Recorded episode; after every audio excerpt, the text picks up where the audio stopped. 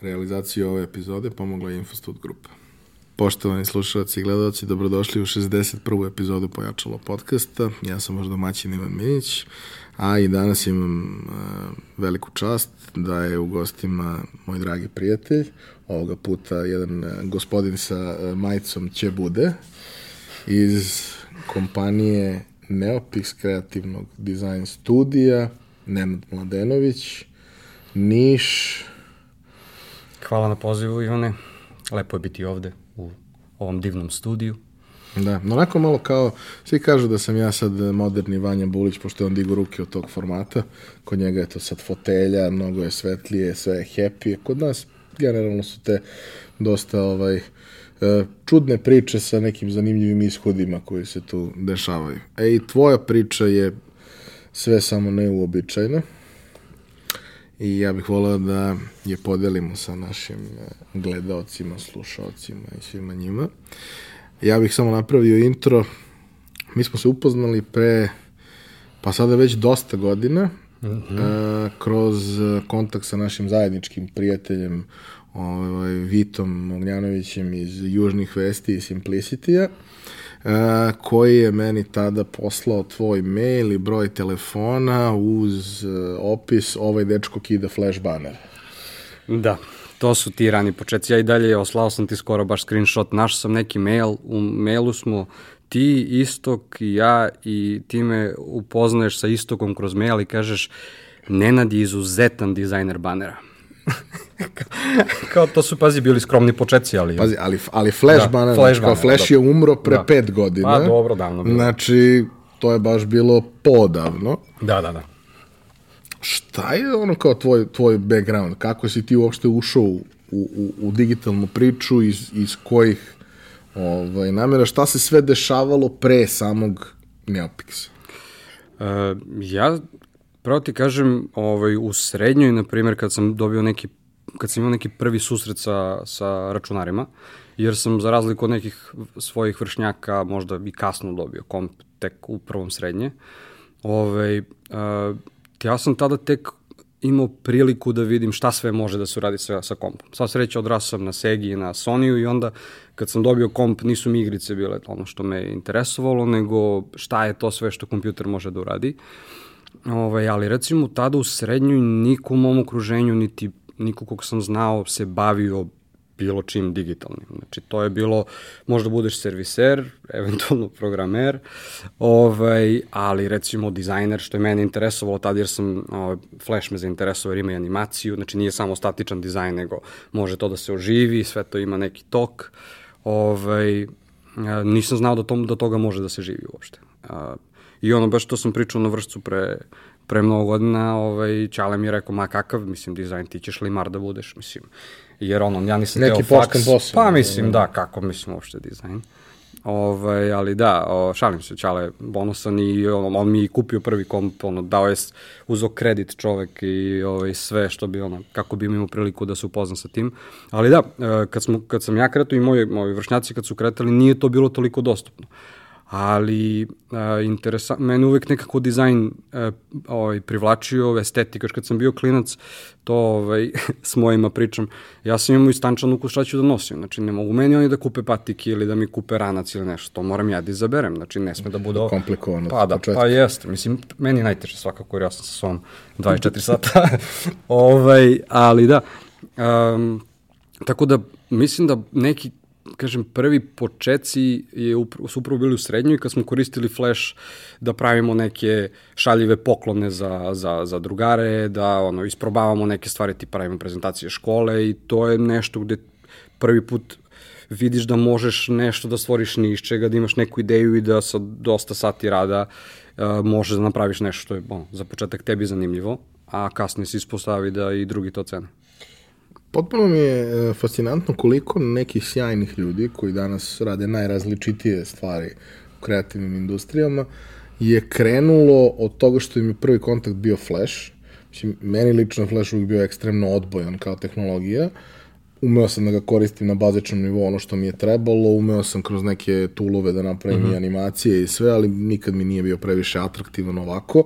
Sa strane weba mi je bio užasan uvek zbog svog učitavanja, zbog procesora, opterećenja i toga svega.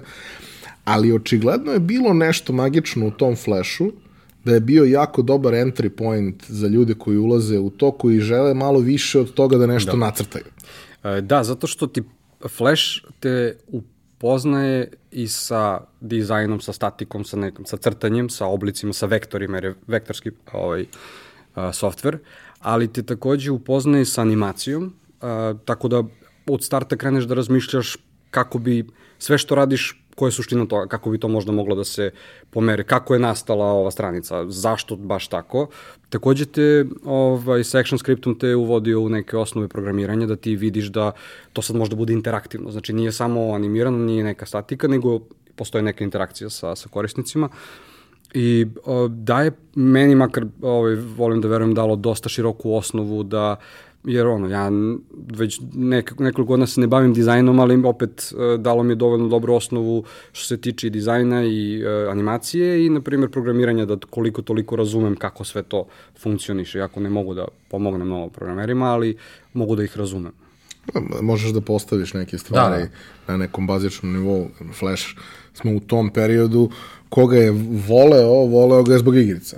Da. Jer su zaista bile vrlo simpatične, da. dopadljive, znaš, relativno lako si mogao da napraviš nešto i što je mnogo lepo, jedan od alata kakvih u tom trenutku nije bilo mnogo, sad ih je sve više, vremena da. ih je sve više, jedan da. od alata gde ti nešto praviš i vidiš šta praviš. Da.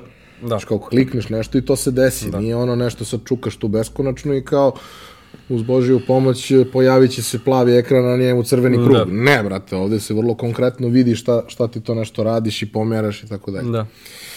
Dobro krećeš od fleša, krećeš od, od, od tih nekih stvari u srednjoj školi a, i ne postade limar, a, a uvek treba dobar limar. Pa jeste. Dizajnera i nađeš, da, da, da, dizajnera da. i nađeš, ali limara ne možeš da nađeš dobar. Slažem se. I ja znam više dobrih dizajnera nego što znam dobrih limara. Eto, vidiš. Tako da, Tako da možda, Dobar, eto, pa, nije, nije kasno. Nije kasno, Nije da. kasno. Zanat je zlatne još. ruke su uvek. Da. Ovaj, a, kako se priča razvija dalje? Mm, ti si bio kao freelancer u periodu kad smo se mi upoznali. Da, pa znaš što je tu bilo interesantno? Ja malo pre sam napomenuo da nisam znao da može od toga da se živi, jer niko od mog okruženja se nije bavio time ozbiljno i žive od toga. I onda sam upisao fakultet kao svako ko, jel te, želi nešto u životu i to je normalna, normalni sled događaja kao da upišeš faks. I ja sam tad uvek, mislim, od uvek sam želeo da se bavim kreativom, ne a, ne baš mora specifično dizajn, jer u tom trenutku iskreno nisam bio ni siguran šta zapravo obuhvata dizajn i koliko je kompleksna grana i šta sve možeš da radiš sa tim. Ali ono, upisao sam FON, koji je jedan od tvojih omiljenih uh, fakulteta, uh, zato što je na svom jednom od smerova imao marketing. A ja sam tad mislio da je marketing isto što i advertising, isto što i kreativa i dizajn. I onda sam došao u Beograd na studije, ovaj, imao previše slobodnog vremena jer iskreno nije me previše interesovao fakultet. Ovaj, I otkrio sam 99 Designs dok sam bio na, ovaj, sa Cimerom, surfovali smo ovaj, netom i pokušali da nađemo nešto šta možemo da zaradimo ko studenti, jer ono, dešavalo nam se više puta da spremamo večeru za 20 dinara, ovaj, navežbali smo se. Ovaj, kao, ajde, kako možemo da zaradimo nešto? Eto, da, ste, da, da se to sad dešavalo, mogli ste postaviti influenceri. Realno. Večera za 20 da. dinara, pratite za više recepta. Da. Ovo, ja, ono, naši nas poslali iz malog grada u veliki grad i onda, ono, hteli smo i da pomognemo da ne bude samo da, da se šlepamo ovaj, sa, sa njima. I ovaj, otkrijemo 99 Designs, uh, o, što je platforma za freelancere, ali je crowd sourcing, znači nije klasično kao sada, na primjer, Upwork gde ti biduješ za projekat pa dobiješ projekat, nego je crowdsourcing u smislu dođe klijent i kaže meni treba dizajn sajta, ovo je brief, pa vi radite, pa ko ja izaberem, on dobije novac. I ovaj, ja onako čisto iz ovaj, iz zezanja napravim nekoliko logoja, jer su mi logoji bili tad interesantni, zato što opet uh, uh, logo mora da priča neku priču, ali tako, I, a, im, a nema mnogo posla. Mislim, ti crtaš nešto to, malo. možda je to ključ. Ne, apsolutno. I onda je onako kao, ok, kako ja sa što manje ovaj, rada, jer ono, dok ti ucrtaš sajt, pa to treba footer, pa header, pa ovo samo... nešto i između Pa nešto stavi. između, da. Ovaj, I uh, probam ja nekoliko logoa, ovaj, tu okačim, ono, dobijem dobre ocene, vidim, pa čekaj, pa ja ovo mogu da radim i posle nedelju dana možda dobijem, pobedim prvi ovaj, Konkurs. konkurs, da. I onda se spoji lepo i korisno, jer meni bilo uživanje da radim ovaj, na tome. Prvo što je mnogo cool, jer ti imaš recimo, ne znam, 200 aktivnih konkursa. I ti ne moraš, nije, nije ono klasika, klasično kli, odnos klijent-dizajner, gde dođe klijent i kaže napravi mi ovo ili ja imam ovaj problem, nego ti imaš 200 klijenata i ti izabereš koji ti se klijent najviše dopada, koji ti se projekat najviše dopada. I onda je to bilo super, ja onda sam krenuo da pravim selekciju stvari koje mi se sviđaju i kažem, ok, novih 10 ću da radim, da probam ovih 10, ovi ostali mi nisu interesantni. Ovaj, I poprilično brzo sam krenuo da pobeđujem konkurse i ono, zaradio sam, ne znam, 600 evra posle uh, možda dve nedelje rada na, na tom sajtu, što je meni to bilo, ono, mislim, moji roditelji ne zarađuju toliko zajedno, a ja sam student koji ono, s 20 dinara sprema večeru. Tako da, ovaj, definitivno je ta nagrada pomogla da, da, e, da koju sam dobio u vidu novca, a, da, da, da, budem, da vidim da može da se živi od ovoga i da može da se radi. Ovaj, tako da tako nekako posle krenulo sad sa tim. A u kom trenutku uh, ti krećeš da upoznaješ ekipu koja se bavi sličnim stvarima, ima slične interesovanja, sklonosti. Mislim, Dampix je došao kao kruna toga svega, da. ali pre toga postoji predistorija koja je pre svega veliko prijateljstvo, Da. Gomila nekog zajedničkog rada kroz projekte i čuda. Mislim, u tom nekom periodu pre Neopixa, a i na početku Neopixa, i mi smo vrlo često sarađivali kroz te varijante. Imaš nekog ko radi to jer ti u tvojoj ekipi imaš nekog da. Ko radi svaku od tih stvari koje je nama trebala, ne znam, dizajn karaktera za igru, dizajn backgrounda za ovo, za ono, dizajn, da kažem, tih nekih ilustratorske najčešće stvari. Da. Ti si nam uvek nalazio neke kontakte. Svi ti ljudi s kojima smo mi radili, upoznali se, koji su svi bili divni momci tu negde isto naših godina. Da. Svi ti ljudi na kraju su postali Neopix. Uh, da, dobar deo njih svakako, jer uh, ja volim da kažem da sam ja dizajner koji je upao u preduzetništvo, jer, Eh, pogrešio mislim, bukvalno, jer Nije teo niko drugi. mora, bukvalno to, jer šta se, šta se, šta se dešavalo? Uh, prvo klijenta ovaj, kog sam dobio, uh, tada sam malo već ušao u neki i web dizajn, nije više bio samo logo dizajn i animacija, nego sada već to nekako prirodno dolazilo i do web dizajna, ovaj, je imao nekog svog programera iz Indije. I sad, to je moj prvi susret sa programerima iz Indije, jel te? Ovaj, gde sam ja nešto crtao za klijenta ovaj, i meni programer iz Indije kaže ovo ne može da se napravi. I ja kažem, pa kako onda ovaj sajt, ovaj sajt, ovaj sajt i ovaj sajt ima isti, mislim, isto, isti princip. Pa to ne može. I onda ja kažem o, klijentu kao, je li okej da ja pitam drugara da proba, no, ne moraš ništa da, da plaćaš, ja meni samo e, je želja da to zaista izgleda ovako kako sam ga crtao, zato što je sve to rađeno s razlogom. Nije onako slučajno pa da treba približno. I ovaj, on kao, ajde, slobodno može. I tako ja, jednog od dobrih drugara koji mi, to tad bio jako dobar prijatelj, igrali smo futbol zajedno, putovali zajedno, ali ja sam tad imao neki trip da ne, da ne radim sa dobrim prijateljima. Jer Mislim da ne bi trebalo da radim sa dobrim prijateljima, jer ono, to je neki, neka priča oko tebe, kao, znaš, ovo kumstvo se pokvarilo zbog posla, ovi, znaš. I ja rekao, ajde, prelomim tu, mislim, kažem, možda ima smisla, ajde, možda je to od situacije do situacije. ovo da- Radi samo s neprijateljima. da. I, ovaj, I tako, no, ja njega pitam da on to odradi, on naravno to odradi po kide, jer je stvarno fantastičan inženjer. I ja dobijem odjednom kolegu. Znači, apsolutno neplanirano. Jer opet kažem, meni je bilo stalo da a, zato nekako smo i krenuli da se skupljamo, da, da skupljam ljude na neki način oko sebe, jer sam hteo da imam priliku da napravim nešto jako cool, nešto što, što se meni sviđa, a nisam imao prilike od nekog drugog da, no, konkretno ti indici nisu znali to da rade. I ovaj, onda to tako raslo i ovaj, napravila se firma, bukvalno. Ali sve je krenulo od toga da ja ne moram da se, nisam htio da se zaposlim negde, da radim, da imam priliku da radim sa dobrim programerima, nego rekao, hajde, ovaj, cimo ovaj, ljude koje sam znao, koje sam znao da su dobri ljudi, koje sam znao da su odlični profesionalci, jer opet, uh, kad je neko prijatelj i uh, ima i kompatibilan je s tobom uh, u profesionalnom nivou i pristupu, to je fantastična kombinacija.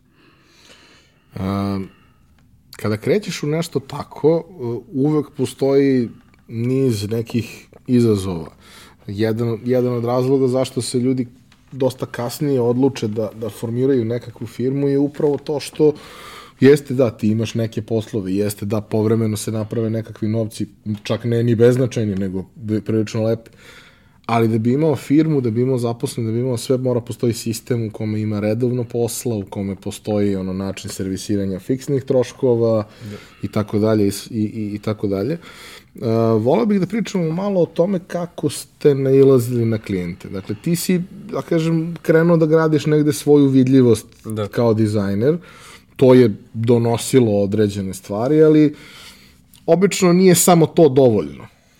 Uh, Ja sam imao sreću da uh, jedan od prijatelja i poznanika, likova koji sam upoznao uh, na moru, dok je, on je backpackovao kroz, kroz Evropu, tad kad smo upoznali, ovaj, uh, on je tad bio na nekom početku karijeru u HP-u radio kao neki, neki sales. Uh, ja sam tad, ono, nisam tad, ne znam da sam uopšte se bavio dizajnom, to je bilo baš davno, tipa, 13-14 godina unazad. Uh, Um, ovaj, ispostavilo se da on napredovao u karijeri paralelno, ja napredovam u karijeri u dizajnu. Mi smo samo bili prijatelji. Ali kako je on napredovao u, u karijeri u HP-u, ima prilike da radi, na primjer, sa agencijama iz Chicaga, iz New Yorka, iz, iz uh, Los Angelesa i nije bio zadovoljan poslom koji uh, su te agencije ovaj, radile za, za HP. A pošto smo ostali kao prijatelji na Face, on pratio upravo to, moj neki karijerni put i razvojni put kao banere, dizajnera. Banere. banere, da, naravno. I, ovaj, I onda me, onda me iscimao da, uh, iscimao me kao, e, e ovaj, treba mi pomoć, e, mislim da bi ti mogo bolje ove stvari da reći za HP, nego što, što... sad, ovo mislim da je jako bitna stvar da, da ljudi razumeju. Ja sam odbio da radim uh, za HP tad uh, projekte, zato što sam smatrao da uh, ko mi, klinci iz Niša, kako mi možemo da radimo za tako veliku kompaniju kao što je HP? Ono, to stavamo bogovi sami, oni svi sve znaju, ono, to sve... Svi po četiri ruke imaju dve da, glave. Da. I ja sam odbio. I ovaj, rekao, izvini, ne mogu, ne osjećam se sigurno da, da radim za, za HP. Ovaj, ako imaš neki manji projekat, možemo da radimo. I onda sam mu tu pomogao oko nekih tih manjih projekata koji imao. Imao neku ideju za firmu, opet neki branding, logo, ovaj, sajt. Ali šta je bilo interesantno, nakon recimo godinu dana, njegov partner me zove, jer smo se mi upoznali kroz te neke projekte zajedno, i kaže mi, uh, Nenade, treba mi tvoja pomoć odmah. Znači, ne ostavlja mi mesto za, prostora za izbor. I imamo problem, radimo ovaj jedan portal za HP, treba mi tvoja pomoć odmah. I ja rekao, ok, ajde. Znaš, prošlo godinu dana, valjda sad kao znam. Ah, za prijatelje. Znaš, I jedna od većih grešaka u životu mi je što odmah nisam prihvatio da radim za HP. Znači, ne, ne zato što je bilo pogrešno, ok, da ti sumnjiš u sebe, jer to će da te učini verovatno boljim profesionalcima, jer ćeš češće da proispituješ svoje odluke i više da radiš na tome. Ti ćeš da vidiš greške kad drugi ne vide greške. Ali što sam mislio da oni tamo znaju nešto mnogo više, jer mi kad smo ušli posle u saradnju sa HP-om, mi smo da oni zapravo ne znaju šta rade da klinci neki iz, iz Niša znaju više o procesu, znaju više o proizvodu, o programiranju, o dizajnu nego što zna bilo koji, da, by the way, uh, HP-ov razvojni tim u Indiji, tako da mi to drugi put kad sam sarađivao sa, sa, sa indicima. Ja mislim da je jako dobro što, što si ispričao ovo. Mislim čak da nije loše nešto si odbio u tom trenutku, jer ko zna gde bi te to dovelo, možda te ne bi dovelo ovde. Ove, ne na ovu stolicu, nego... Jasno. ove, da. Možda te ne bi dovelo u karijerno dalje gde treba, jer kao kad kreneš da radiš sa korporacijama u nekom trenutku, postoji da. razlog zašto su oni tamo takvi. Da. I verujem da vremenom svako postane takav ako ostane previše dugo u, u, u tome. Ove, vi biste se možda izvukli na vreme, možda da. biste izvukli samo dobre stvari iz toga, ali na, no, na kraju dana nikad ne znaš kako to ide. A, a to kao, pozovete čovjek i kaže trebaš mi odmah treba mi da se reši problem i naravno da ćeš da uskočiš, naravno da ćeš da daš sve od sebe, nekad će to da bude dovoljno, da. nekad neće. U ovom slučaju je bilo dovoljno. Da. O, ovo je, mislim, jedna velika lekcija bila, kasnije, naravno, što smo, što sam više imao prilike da putujem i da provodim više vremena u Americi i u San Francisco i u Njujorku i u Australiji, to mi je, to sam više shvatao da mi zapravo znamo šta radimo. Da smo, ali mi imamo, mislim, makar sam ja i moja neka ta ekipa, uh, a pretpostavljam da možda i kod društva kolektiv imamo taj neki kompleks niže vrednosti, da oni tamo znaju mnogo više od nas i o to mi se, na primjer, desilo isto jednom u, u Njujorku, Uh, imao sam zakazan sastanak, uh, neka agencija ima kancelariju na Manhattanu, ono, spratovi, spratovi zgrade na Manhattanu, što ono, košta više nego nešto, naša... Ka, košta da, nešto. Da. E. I ja sad imam sastanak sa likom koji je head of UX, a, znači ako ovaj neki lik koji, i on ima ceo departman za user experience, kao to je neki sad.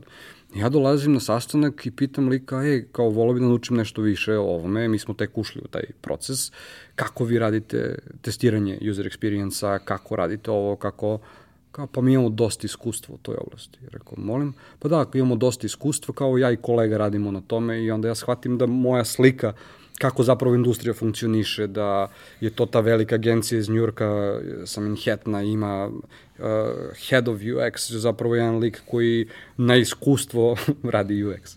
Na stav. Ja samo mislim, a ti me ispravi ako se ne slažeš, ali ja samo mislim da je ključna stvar zašto ti možda sa, sa svojim ljudima radiš neke stvari bolje nego što bi se očekivalo i zašto možda ja neke stvari radim bolje nego što bi se očekivalo i bolje nego što radi većina drugih ljudi, što nama zapravo stalo. Ima stvari do koje koje radiš zato što treba se urade i kao uradiš šta da. god. Ali za većinu nekih stvari koje pokušavaš da staviš u centar svog interesovanja i da. posla, da za većinu tih stvari tebi je dubinski, suštinski stalo do da. toga. I tvojim ljudima sa kojima radiš je dubinski, suštinski stalo do toga. Tako. I ne moraju da budu, ne moraju da imaju dve glave i šest ruku i osam nogu. Dovoljno je samo da im je stalo, to je razlika koja je da. nemerljiva u odnosu na neke tamo ljude kojima je to samo još jedna stvar koju će da čekiraju sa, sa spiska tog dana i da se otkucaju na kraju Tako. i da uzmu platu. Tako, uh, ovaj, moj prvi partner i ja kada smo krenuli da formiramo Neopix, mislim kako smo se mi generalno skapirali, jer i on i ja smo imali stav ovaj, ako će da radimo nešto, ima da ga radimo kako treba. Znači, nećemo samo da ga odradimo čisto, eto, da se, da kažemo, ok, završeno je. I onda je to neka osnova kulture Neopixa bila koji smo on i ja postavili nesvesno, jer mi smo ko klinci, on, on uh, inženjer, ja dizajner, ali smo obojica znali da nam je dosta stalo i obojica smo, što je jako bitna stvar, poštovali jedan drugog i šta ovaj drugi zna, jer smo znali da ovaj drugi to ne ume. Kom, uh, baš smo bili i dalje smo komplementarni. I baš zbog toga mislim da je to jedna stvar gde ne post, nije, nije postojao takmičenje da li je dizajner bitni ili programer bitni, ne, ne, ne, kao, mi znamo da obojica moramo da damo svoj maksimum da bi to ispalo kako treba. Ovaj, I sad, dan danas, mi primećujemo kolektivno da uh, je nama u Neopixu više stalo do proizvoda naših klijenata nego njima samima. Mi smo ti koji vraćamo sebe, mi smo ti koji kažemo ovo mora bolje, i mi smo ti koji više razmišljamo o proizvodu koji pravimo, koji pravimo za klijenta nego oni sami. Znamo, u prste ga znamo. Dešava se da klijenti ni ne znaju kao šta im, šta, šta im se sve nalazi u, u proizvodu. Kada formirate Neopix, ko formira, ko je core Neopixa i kako, da kažem, kreće ta, ta priča sa ono firmom, kancelarijom, zaposlenima, fiksnim troškovima. Da. Uh, dobra stvar je, na primjer, baš, e, baš razmišljam o tome uh, sve više i više, uh, pitam se da li bi se upustio u sve ovo da sam znao šta me čeka. Jer ja, ono, opet kažem, dizajner koji je upao u preduzetničke vode. Ja sam, mi nismo, mi prvih dve, tri godine nismo ni imali zvaničnu firmu. Mi smo bili neki vid kolektiva, nas nekoliko freelancera, svi radimo zajedno, radimo za iste klijente istim projektima, ali nismo imali ime, nije bio Neopix, kao, nego eto, mi se skupili i radimo, nismo ni znali, ovaj, i, ovaj, i sve se to stvarno dešavalo spontano, jer opet nama je i dan danas 99,9% projekata koje dobijamo su isključivo na preporuku. Najveći projekti ovaj, sa najvećim svetskim firmama s kojima sarađujemo su na preporuku. Zato što je neko pre bio zadovoljan uh, on, I to opet što, što mislim da je jako bitna stvar. Ja ne mislim da smo mi najbolji dizajneri, ne mislim da smo najbolji programeri, ali mislim da smo mnogo dobri u tome da razumemo klijenta i da imamo taj odnos gde brinemo, gde, gde se klijent osjeća sigurno kad priča sa nama. I da jednostavno mnogo im je drago kada ono, svaki sastanak sa klijentom treba da bude pozitivna, lepa stvar. I da oni jedva čekaju da se čuju sa tom, a ne da, ne da budete jedni protiv drugih. I... Zvuči nemoguće. Pa, treba, treba, treba rada dosta, treba dosta, ali ozbiljno, to nam je jedno od, od stvari, jer kažem, ja i dalje vidim koliko grešaka mi pravimo u dizajnu i u developmentu, mislim, imamo, ali klijenti nas ne napuštaju, ne napuštaju zato što znaju da se greške dešavaju, uh, veći problem je možda da nađu nekog drugog jer ne znaju da će da neko drugi da pravi iste greške ili ne, a sa nama se osjećaju sigurno jer znaju da nam je stalo i kad smo napravili grešku, o našem trošku ćemo da je, da je rešimo, jer zaista ovaj, je to suština problema. Ovaj, kad imaš neko ko, ja, uh, ja ok, vodim firmu sad, ali ja sam i dalje u duboko u sebi dizajner i product osoba, neko dolazi iz produkta. Sve ove stvari uh, ovaj, uh, o biznisu sam učio usput, i ovaj, krivo mi je što nisam možda imao nekog mentora ranije da mi kaže, jer uštedeo bi mi i mnogo novca i mnogo energije i ovaj, da, mnogo, smanjio bi ovaj, stres svakako. Ali da. No, ne bi to bilo to. Pa, znaš kako, a, mi svi koji imamo te blago mazohistične tendencije. Što blago. ovaj, a, volimo nekako kao, znaš, kad, kad ti neko drugi kaže nije isto kao kad ti na svojoj koži to osetiš, ali tako, kad, kad ti naučiš. Za neke stvari kažu ljudi moraš sam, ne može ti preko knjige da naučiš da plivaš, ti moraš da probaš, ali tako. Ovaj, tako da, a, sa te strane, e, sada kada razmislim do nekle smo imali sreću što što smo opstali uopšte ovoliko dugo, jer smo imali mnogo, mnogo težak period. Kako smo um, krenuli da radimo, kako, kako se skupilo nas više, kako smo već snovali firmu i onda već malo krenuli da razmišljamo i o skaliranju i o, ovaj, zaposlenima i o projektima. Ovo, ovaj, ja tek sad, no, ne sad, ali, uh, sam shvatio sam kasnije, tek par godina nakon toga, da smo mi u tom trenutku imali uh, ispod 30% uh, billable ljudi, osoba koju mi možemo da naplatimo. A mi smo outsource uh, service uh, ovaj studio koji naplaćuje svoje usluge. Kao kako ti uopšte op opstaješ sa 30% ljudi čije vreme može da naplatiš? Niš nije skup. Niš nije skup, definitivno. I ovaj, pomaže ako imaš partnere koji su u stanju da rade 16 sati. Ovaj, I onda nadomeste još, ono, još, još, još nekog. Ovaj, tako da nam je dosta vremena trebalo da skapiramo, ok, ovo ne može ovako, znači mi moramo da imamo određeni odnos billable i ne billable ljudi, ovaj, mora da se zna ovaj, koja je generalna strategija rasta, možda nam neke pozicije nisu bitne u ovom trenutku, možda jednostavno treba da se preusmerimo u drugom, ne, da, da preusmerimo ovaj, poslovanje, ali e, generalno je interesantno što sve te neke stvari naučiš na svoj, mislim, osetiš na svojoj koži, tako, ali tako i najbolje nučiš. Mislim, kad jednom ostaviš na stolu, recimo, ne znam, ogromnu sumu novca, jer nam se to dešavalo isto kao klijent veliki iz, iz Amerike i kao koliko ovo košta i mi, pošto tad nismo imali računicu koliko košta, nego onako odokativno, koliko je nama mnogo para, ovaj, a nama je tad sve bilo mnogo para, i mi im kažemo koliko je to nama mnogo para i oni u jednoj sekundi kažu može znači da smo ostavili mnogo pa, para na stolu.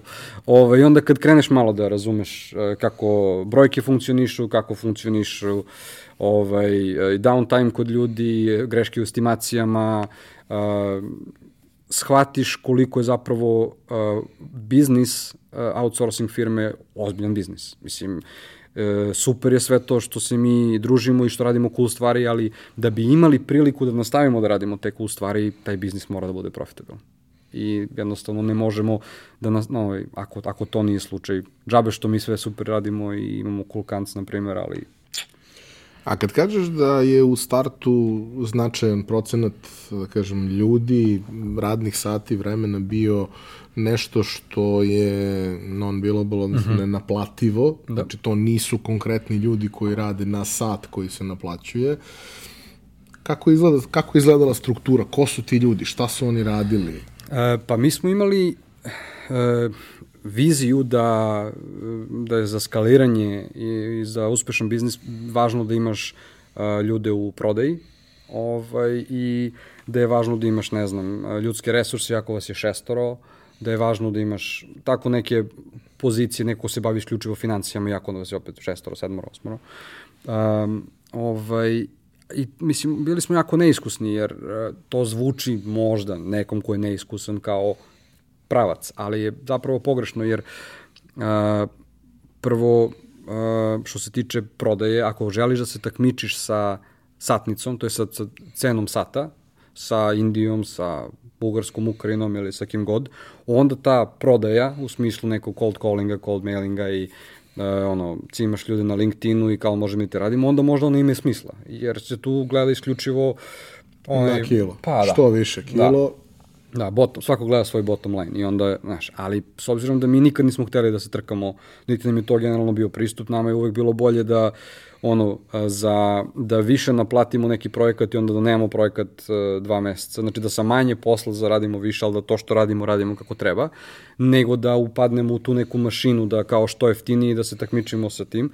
Uh, ovaj, firmama koje tako funkcionišu, u tom slučaju sales ne, takvog tipa nema smisla, jer je i čak i dan danas naš sales je po principu konsultinga, znači nemamo mi dediki, uh, nemamo osobu koja je samo fokusirana na prodaju, ove, već imamo nas nekoliko osnivača koji uh, koriste svoju mrežu uh, ove, poznanika ili saradnika i svaki put kada bi se upoznali sa nekim novim kome, koji ima neke potrebe za digitalnim proizvodom, mi nikad ne bi pričali koliko smo mi dobri i sa kim sve radimo i koliko imamo programera, nego ih pitamo šta, šta vam treba, mislim, kako možemo da pomognemo. I onda ih slušamo šta nam pričaju i onda im dajemo savete.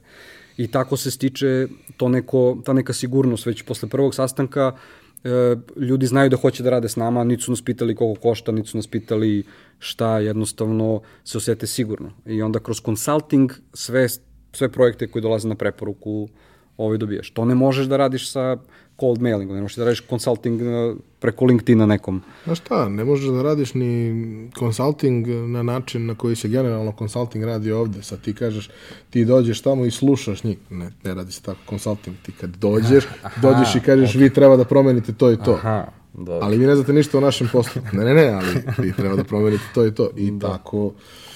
Šalim okay. se, naravno, da, ali da, naravno. mnogo je takvih slučajeva, a zapravo vrlo malo je ljudi koji kada dođu negde i kad neko proceni da može da ih angažuje da, da nešto unaprede, odnosno nije ih toliko malo koliko su mhm. -huh. tihi, tiha voda bre groni, jel? Da. Ove, ovaj, koji dođu i kažu ja ću sad dve nedelje samo da gledam šta vi radite i da vas pitam s vremena na vreme nešto što mi nije jasno. Da. A kad ćete da nam kažete kako da nešto unapredimo? Pa kad budem razumeo šta radite. Tako je. Tako je. Mno, mnogo, uh, zato i kažem, uh, možda taj dizajn koji mi isporučimo nije najlepši ili nije ovaj, pa, najbolji, ali s druge strane ovaj, znamo da odakle dolazi i dokle god razvijemo takvu komunikaciju, takav odnos sa klijentima, ovaj, znamo da ćemo im imati prilike da unapredimo i da, napravimo, da ga napravimo boljim. Uh, ovaj, tako da, to je, na primjer, jedna od stvari uh, kako mislim da, da, da, da pogotovo sa malim kompanijama koje žele da se da takmiči, žele da se uh, ovaj, da, da jednostavno imaju takav neki imidž da je kvalitet bitan i da je ok košta, mislim ja ne mogu da zaposlim uh, prosečnog programera i da mu dam ovaj ne mogu da ne, ne mogu da zaposlim mnogo kvalitetnog inženjera da mu dam prosečnu platu da bi mogu nekom da spustim ovaj uh, trošak. Ja ako zaposlim kvalitetnog inženjera moram da mu dam platu koja njega ovaj koji bi njega zadovoljila i jednostavno to će posle da košta i klijenta. A klijenti ponekad znaju da očekuju tržišne cene ili nešto kao šta to znači. Mislim, ako hoćeš naj, a svi hoće kvalitet, ako hoćeš kvalitet, kvalitet košta. Ja volim da kažem da generalno ono, good work takes time. A, koliko god ne možeš ti da uradiš nešto što je zaista kvalitetno na prvu loptu. Moraš da se konstantno proispituješ, proispituješ i da ovo, da su napređuješ. Nekad nemaš taj luksuz, naravno ideš sa najboljim namerama i sa najboljim ovom, sa nekom idejom, ali ovaj, generalno je zato bitno da možeš da se vratiš i da ispraviš grešku koju, ako si napravio. Ono što je meni isto vrlo interesantno u tom nekom tvom um, kolektivu uh -huh. i danas Neopixu, a nekada tom, da kažem, freelance, to kružoku čudnih uh, umetnika, freelancera i da. inženjera.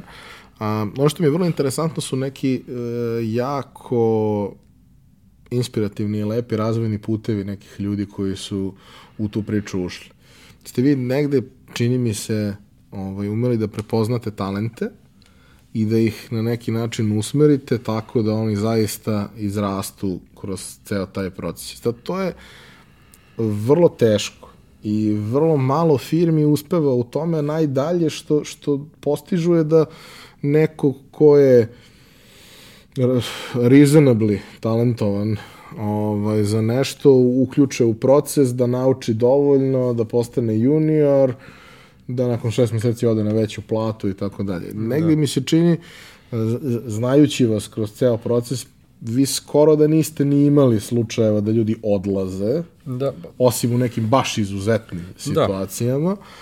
ali mi je fantastično kako su ljudi napredovali, kako su ljudi bukvalno uh, iz viđanja u viđanje, a to u tom slučaju je to ne znam, iz godine u godinu, da. Rasli neverovatno, jer su imali oko sebe i podršku i okruženje i neko ko će voditi računa da, da, da e, dobija i adekvatne projekte i adekvatno mesto na tim projektima. Volao bi da mi kažeš malo više o tome i volao bi da možda podeliš neku da. priču. Uh, evo, odmah da krenemo od primjera, što konkretnijeg. Uh, Ja, generalno, to je jedna stvar na koje sam naj, najviše ponosan, stvarno. Jer uh, u, kod nas u timu, pogotovo u dizajn timu, ima ljudi koji su završili geografiju, koji su završili pedagogiju, ovaj, imamo čak jednog, jedini dizajner, to je uh, formalno ovaj, školovani, školovani da. dizajner koji je završio akademiju lepih umetnosti radi motion graphics, ne radi, radi animaciju, ne radi, ne radi UX, ne radi UI.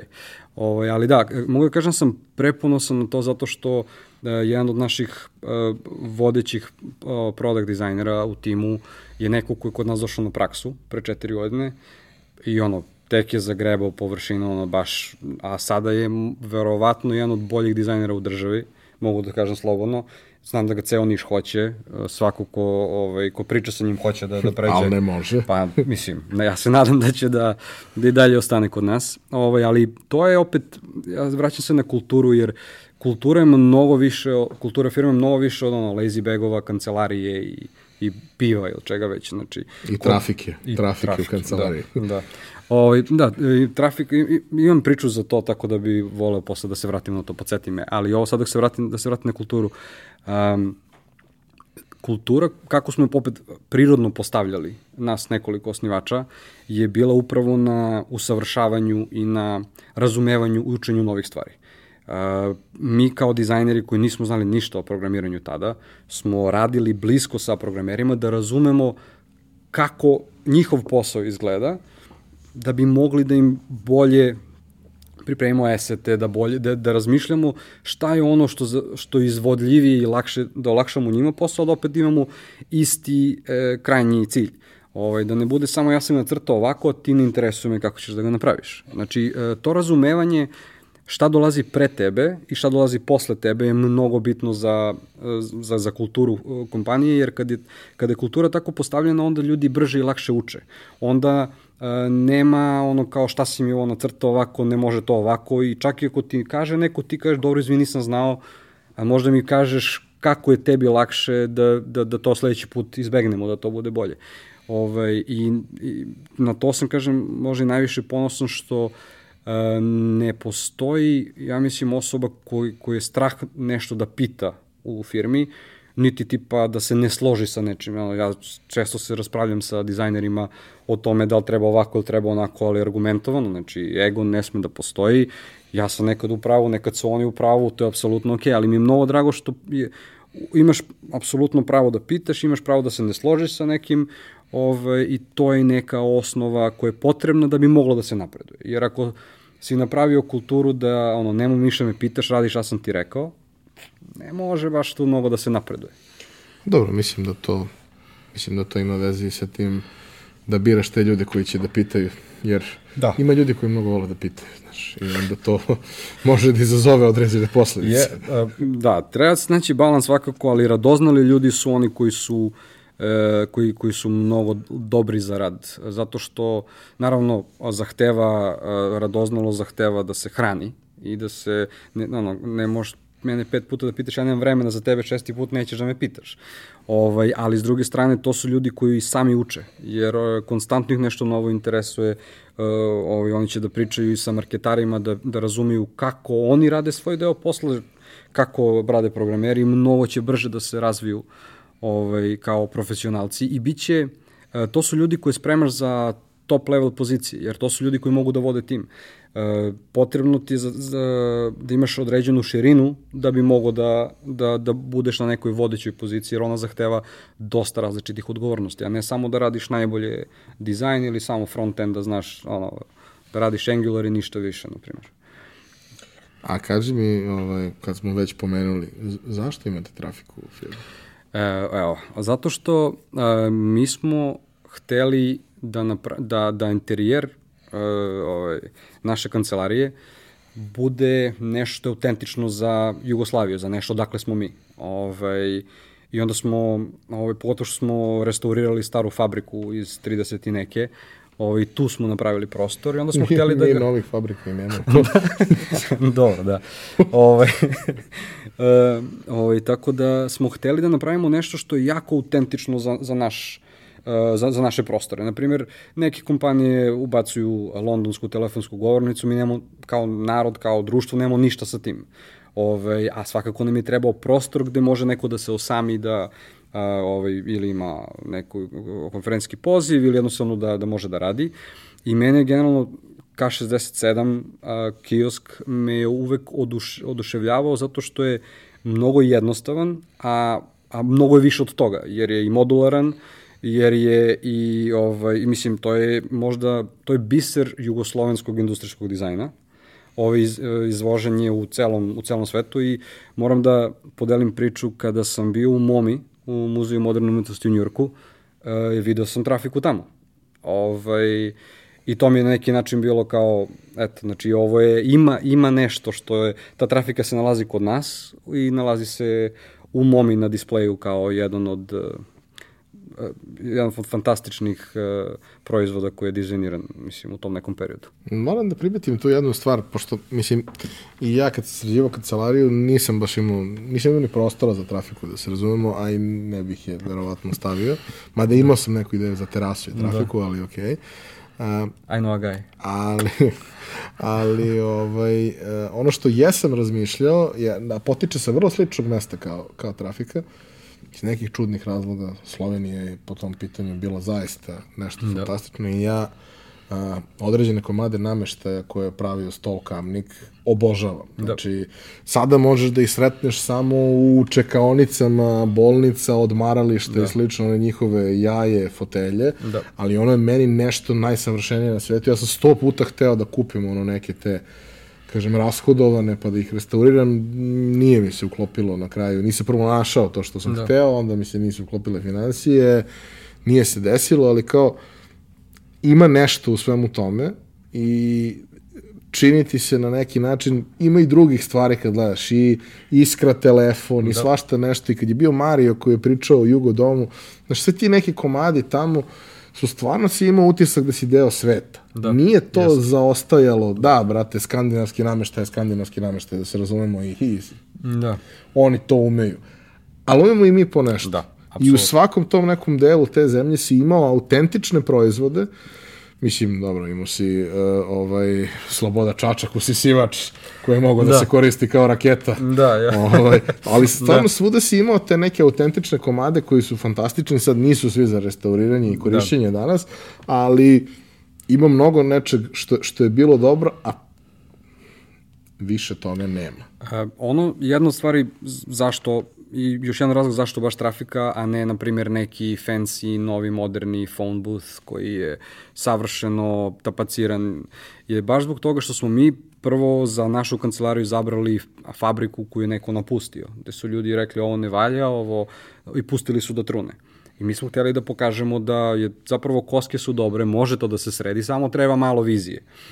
Uh, ovaj, jednostavno želeli smo da, da ono što je neko odbacio sredimo i da, da mu vratimo neki stari sjaj, jer jednostavno, hoćemo da se na neki način borimo od te kulture. Mora novo, mora sve iz početka. Mi tad ništa nismo znali, sad ćemo da znamo kako se radi, sad, znaš, i onda nekako, a upravo pogotovo dizajn, mislim, iskren telefon je nagrađivan na ovaj, sajmovima širom sveta. Uh, ovaj, kažem, trafika I ti je... telefoni koji su kupljeni tad pre 60 no. godina, rade i dalje. No. Svi oni rade jest, i dalje. Jeste, jeste. A, Jer ima u trafici sve ono što, na što smo navikli u crvenim trafikama, a to je hot dog, senf i to. E, u Nišu su uglavnom te trafike koristile za uh, karte za autobus. Uh -huh. I, ok, ovako kao klasično, nismo nikad imali, ja mislim, hot, makar kad sam ja odrastao, ovaj, ne sećam se da su bili hot dogovi kod nas, to je možda ono, neka ovde, Moguće ovde stvar. da je lokalna stvar, ali, ovde su to bile te, ali da. crvene, e, isključivo crvene. Crvene su bili u Nišu, ali uh, ono, iz jako praktič, praktičnih razloga smo hteli originalnu zelenu boju, pošto uh, crvene mislim da su izbog vremena tad bile popularne u, u Srbiji. Jeli? A ovaj, mislim da u Sloveniji su originalno bila i bela i zelena ovaj, kao opcija. Mi smo uzeli zelenu iz jako praktičnih razloga, jer ono, kako bi se fotkao kao čovek pored crvene trafike, ne bi mogao baš color korekciju da radiš kako treba, a i možda bi previše prostora ovaj, previše. Što ti je kad je čovjek dizajner? Da, razmišljali smo o mnogo, ali da, ovaj, ta trafika je istapacirana, ima struju, ima svetlo, ima sto, tako da je ono baš lepo mesto da se, nema ventilaciju. To je malo problem, ali je dobro. A ugradit ćete neku da. klimu. I ima točkove, tako da ako ono, mrdamo je u zavisnosti od toga gde nam je potrebno i gde, kak, ovaj, kako može. Mi da... smo snalažni narod, kod da. nas ti je to relativno uobičajeno da vidiš na, na nekim ovim manje prometnim linijama gde nije tolika kontrola na autobus star 40 godina koji ima klimu, klimu 12 nazad montirano i kao šta, ne, ne postoji e, problem. Da, mogli bi to stvarno.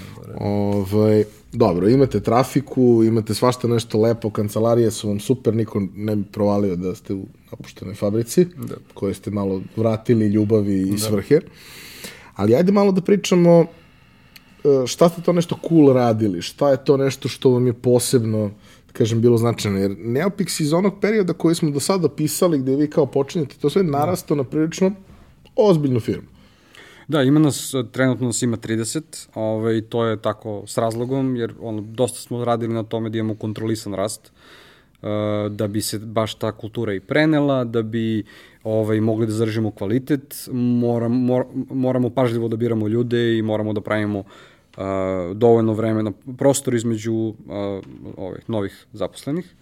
Ovaj, uh, imali smo prilike, da, radimo već, pa, poslednjih pet godina aktivno isključivo na digitalnim proizvodima. Uh, digitalni proizvodi su ono što je osnova nečijeg poslovanja. Tako ga gledamo kao razlike između softvera i digitalnih proizvoda. Znači, neko ima ideju za startup ovaj, i hoće napravi aplikaciju koja je osnova tog poslovanja, sve se dešava preko aplikacije, to je ono što mi radimo. Uh, Ovaj, radimo sa dosta sa klijentima iz Australije ovaj, i Amerike, to su neka dva najveća tržišta i ovaj, ono što je, na primjer, interesantno je što smo tu sa klijentima od ideje, dok samo imaju koncept, dok još ne sigurni kako to treba da izgleda, ali znaju koji problem žele da reše, recimo, ili šta je ono što nedostaje na tržištu kad, je u pitanju, kad su u pitanju digitalni proizvodi.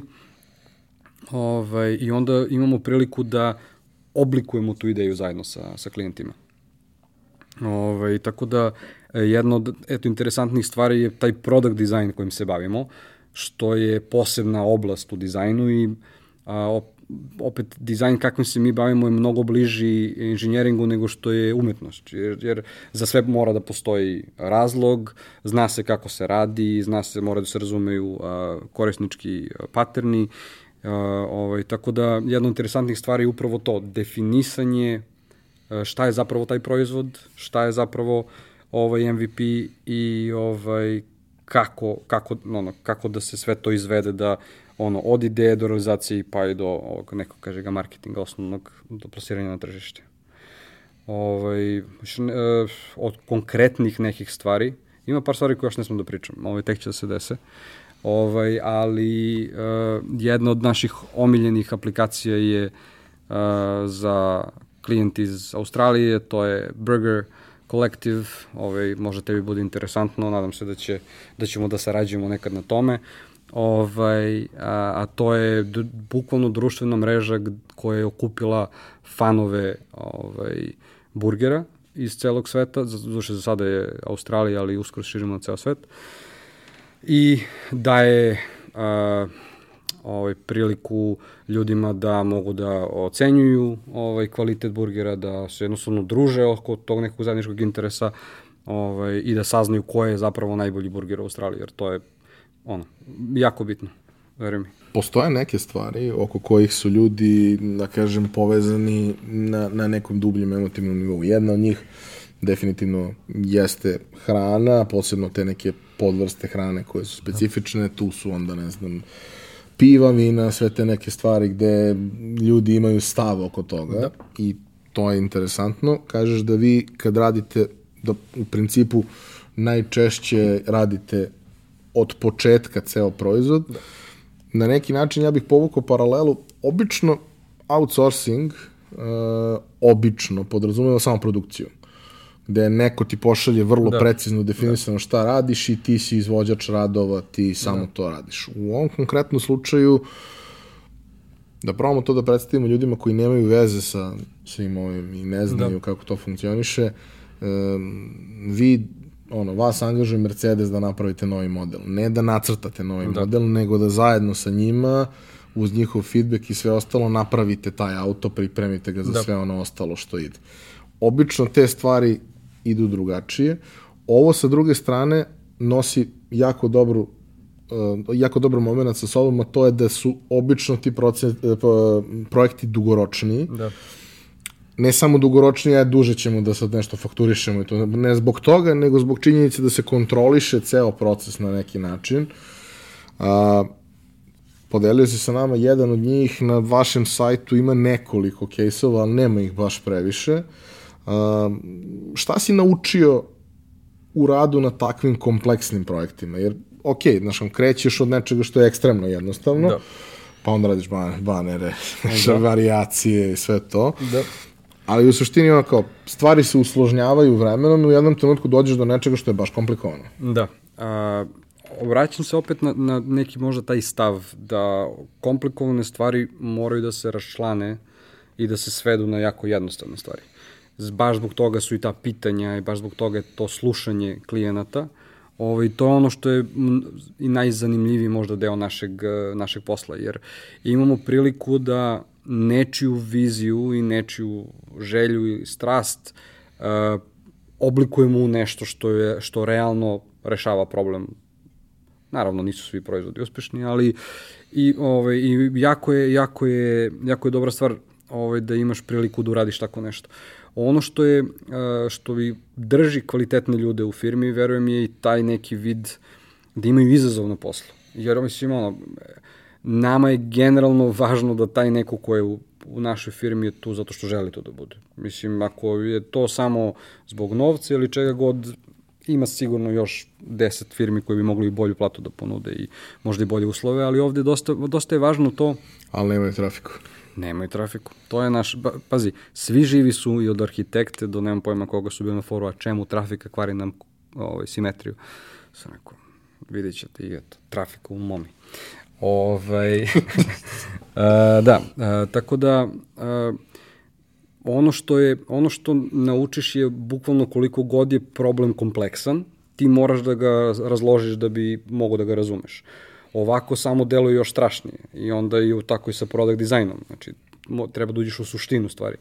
Naučiš uh, da jednostavno ne može baš sve kako si zamislio, ne može sve da bude savršeno, jer taj, ta težnja ka perfekcionizmu je dobra, ali zna da bude jako bolna, jer ono, moraš da shvatiš da ne možeš da dostigneš perfekcionizam. I onda treba da igraš taj neki balans, da konstantno želiš da bude odlično, ali da znaš kad je okej okay da prekineš i da biraš bitke. Ne možeš da dobiješ svaku bitku. Pogotovo kada krene firma, kada uh, su sad tu novi ljudi koji imaju svoj, svoju neku ličnost, svoje da dodaju, ne može sve kako si ti zamislio, ne može sve, ovo, jednostavno moraš da naučiš da pustiš i da budeš tu da pomogneš kada treba. Mislim, moj posao je sada ja ne znam šta će se desiti kad dođem na posao, bukvalno. Jer to, to je, to je, Dotle došlo. pa to je, da, to je, to, to je moj posao sad. Moj posao je da imam ja plan šta bi ja volao da radim taj dan. Ali ja kad dođem, ja sam tu da pomognem drugima, da bi oni mogli da rade, jer uh, svoj posao kako treba, da ih, da ih otkočim gde su se zaglavili, da jednostavno uh, nas 30 će bolje stvari da uradi uh, na duži vremenski period i veći uh, uticaj da, da, da, da, ovaj, da ostvari ako radimo zajedno, a ako nije samo jedan, ovaj, jedan od nas. Tako da to je neka ideja i nešto što sam naučio da jednostavno moraš da pustiš. Mislim i da moraš da budeš tu da pomogneš kad treba i to je to. Kaži mi, za svo ovo vreme sigurno je bilo, već si rekao za neke, ali sigurno mm -hmm. je bilo nekih pogrešnih odluka, a, sigurno je bilo nekih pogrešnih uh, usmerenja. Da. Kako se, prvo, kako se oporaviš od toga, drugo, kao, šta radiš? Kad shvatiš A, mnogo je važno da imaš oko sebe ljude s kojima to možeš da deliš. A, ja stalno to, to, to i pričam. Ja bez svojih partnera nikada ovo ne bi mogu da uradim. Jer nas trojica zajedno prolazimo kroz to. I tu nema filtera. Znači ti sa svojim uh, kolegama moraš da imaš neku dozu filtera jer nije okej okay da im kažeš ej, frka mi, ne znam da će imamo za plate. Mislim, niko neće dobro da se osjeća po tom pitanju, neće nikom da pomogneš, ali realno nekom treba da kažeš. I taj neko su upravo tvoji partneri. Uh, Ovaj, tako da, a, mnogo je važno da imaš na koga da se osloniš i ko da ti, s druge strane, da možda da ti promeni percepciju, jer svi mi dosta to gledamo kogo težimo ka objektivnosti, mi to dosta subjektivno, sa dosta emocija gledamo, pogotovo kad nam je stalo do, do nečega i onda dosta znači ta neka druga perspektiva, a s druge strane vremenom jednostavno shvatiš da ne možeš da ne možeš uvek da dobiješ ono što hoćeš, ne možeš uvek da uspeš. Najbitnija stvar je da naučiš iz onoga gde si, gde si napravio grešku. A m, možda će biti previše sa moje strane, ali moram da te pitam, u trenutku kada si još uvek relativno mali i relativno nestabilan, mislim, mi, mm -hmm. niko od nas nije u poziciji da sad napravi ogromnu stratešku grešku i uh, Ma nema veze, preživet ćemo godinu dana od uh, ono, razlike koju smo da. napravili i stavili sa strane, pa ćemo da peglamo. Ne, ne postoji tako nešto. Uh, imaš greške, imaš situacije koje mogu da dovedu do, do kraja svega ili da. barem do ozbiljnih tektonskih promena. Uh, kada si, posebno kada si posvećen, da kažem, ceo tim je posvećen jednom projektu ili je gro tim mm -hmm. posvećeno jednom projektu, ti imaš single point of failure. Tako je. To je sahranilo mnogi outsourcing firme da. kod nas. Uh, srećna okolnost za te ljude je što, mislim, na ovom tržištu u ovom trenutku fali pet puta više ljudi nego što ima dostupno, tako da kao ugasi se firma od 400 ljudi i sledeće nedelje svi imaju posao. Da. Možda ne baš idealan, ali da. niko neće ostati gladan, niko da. neće ostati na ulici. Ali jako posvećeno birate ljude i svaki čovek je čovek za koga hoćete da se borite. Da. Negde bih voleo da mi kažeš tvoje razmišljanje, jer znam da si i sam bio u teškim situacijama, odnosno da ste bili u da. teškim da. situacijama i ja sam u više navrata prolazio kroz to, negde imamo verujem vrlo sličan stav po pitanju toga i kao, znaš, kad se desio kad se desila situacija sa mojom firmom, e, prva stvar je bila ok, e, sledećeg meseca nema više projekta, druga stvar je bila izađeš pred sve ljude i kažeš e, sledećeg meseca nema više projekta i sledeća stvar koju treba da vam kažem je svi ostajete tu gde ste, da. ne menjaju vam se plate, ništa se ne dešava, to je moj problem. Da. Ja ću taj problem nekako da rešim. Ne, možda ću da budem malo više nervozan da. narednih dana. Da. Imajte to u, negde da. u vidu. Ali ljudi, ja znam zašto sam odabrao svakog od vas i Tako. sve ću da učinim da vi tu ostanete. Uh, jeste, mislim, evo sad baš e, taj razgovor, smo, sličan razgovor smo imali zapravo sa, sa celom ekipom, kad o, cela priča oko paušala i sve što se dešavalo je, ono kao, nemoj da brinete, isto će vam biti sve kako je bilo sad, bit će vam još bolje, jer na nama je da ovaj, se postaramo da vi ne osetite bilo šta. Um, ja moram da priznam da smo imali sreće, verovatno, za, za sve ovo što se dešavalo. I, jer e, mnogo, mi, mi smo mnogo dugo funkcionisali bez a, kvalitetnog cash flow dokumenta, ne cash flow u smislu popisivanja, nego uh, predviđanja uh, i, i strategije, razumevanja toga. Ovaj, relativno brzo smo skapirali da je single point of failure loša stvar. Uh, i čak zbog toga imamo, paralelno razvijamo i Australiju kao tržište i Ameriku kao tržište da bi imali i australijski dolar i američki dolar i, I ako Trump nešto uradi... I Australiji. Da. Ovamo Trump, ovamo požari. Pazi, ovaj, ne kažem da je idealno, ali opet je bolje nego da imamo ono kao... Dakle, ako napadnete neko sledeće tržište, da znamo da će i tamo neka katastrofa da se desi. da, trenutno dobro idu stvari sa Singapurom, tako da evo koronavirus, ovaj, ne znam da li, da li ima veze ovaj, blizu. Ovaj, tako da, je, moram da priznam, da smo imali sreće za neke stvari, uh, opet kažem, pitanje je zato što naša neka filozofija je opet bila, vraća se na to, a, nemoj da budeš a, konkurentan zato što si jeftin. Budi konkurentan zato što si dobar i zato što ljudi hoće da rade sa tobom. Samim tim to stvara određeni a, buffer ovaj, da možeš da imaš mesec dana koji nije baš najbolji najteža stvar nama u firmi trenutno je kako da optimizovati, to je kako uposliti dovoljno 30 ljudi da niko nema previše, niko nema premalo. I naravno desi se da jedan ili dvoje nema baš šta da radi pa onda ono, imaš ovaj, interne projekte ili tako nešto što nije idealno, ali mnogo je nezgodno 30 ljudi da savršeno uposliš, da niko ne izgori, a da sve niko ne dosađuje. Ovaj, tako da kažem, e, jesmo imali e, sreće za neke stvari, ali s druge strane opet smo mnogo pažljivo rasli. Mi, smo, mi bi zaposlili novu osobu tek kada bi nas nekoliko morali da radimo na 110-120% i videli da to ima smisla, tek onda bi dolazio neko novi. E, izbega, nikad nismo, nam se dešavalo da propuštamo projekte, jer jednostavno nemamo dovoljno ljudi slobodno sad, nećemo po svaku cenu. Ako, ako ćemo sad čekate, Da. Tako da, jer sve to je mnogo bitna stvar, uh, mislim, ako pratiš Rim šta je uradio, iz istorije možeš mnogo toga da naučiš. Ako kreneš da se skaliraš mnogo brzo, samo je pitanje vremena kada ćeš da pukneš. Jer, uh, tako da je nama generalno ta filozofija bila ok, ostavili smo, možda, možda ne zarađujemo koliko možemo ili koliko bi voleli što već, mislim, ali ceo taj deo da ti se osjećaš uh, prijatno kad dođeš u kancelariju i da si ponosan kada neko iz tvoje firme ovaj, dobije ponudu, mislim, naše ljude konstantno cimaju na LinkedInu svi, ono, to je, to je normalno, ali na, naši ljudi nama dođu i kažu nam to. E, to je ono što, što smo mnogo ponosni, jer imamo dosta otvoren odnos, vidimo koliko napreduje i mi dosta radimo na tome da projekat kada prihvatamo, on mora da mora da ima nešto zašto smo ga prihvatili. Znači, ok, novac je super, ali mora da ima i neki profesionalni izazov, mora da ima nešto i to je generalno cilj koji hoćemo da, to nam je neka strategija, hoćemo da, da u Niš donesemo svet, jer radimo sa sa jedno, jedno od jedna od najvećih svetskih kompanija koju ne smem da kažem koja je šta je, ali to je zato, to je mnogo lepa stvar baš zbog toga što neko iz Niša, može da radi za nekog iz Njurka i da ode u Njurk na sastanak, da ima onaj security clearance određen koji treba da ima. Znači, hoćemo da u Niš donesemo svet, da, jer nama ljudi kad odlaze, odlaze nam u Nemačku ili odlaze negde drugde, ne odlaze u drugu firmu.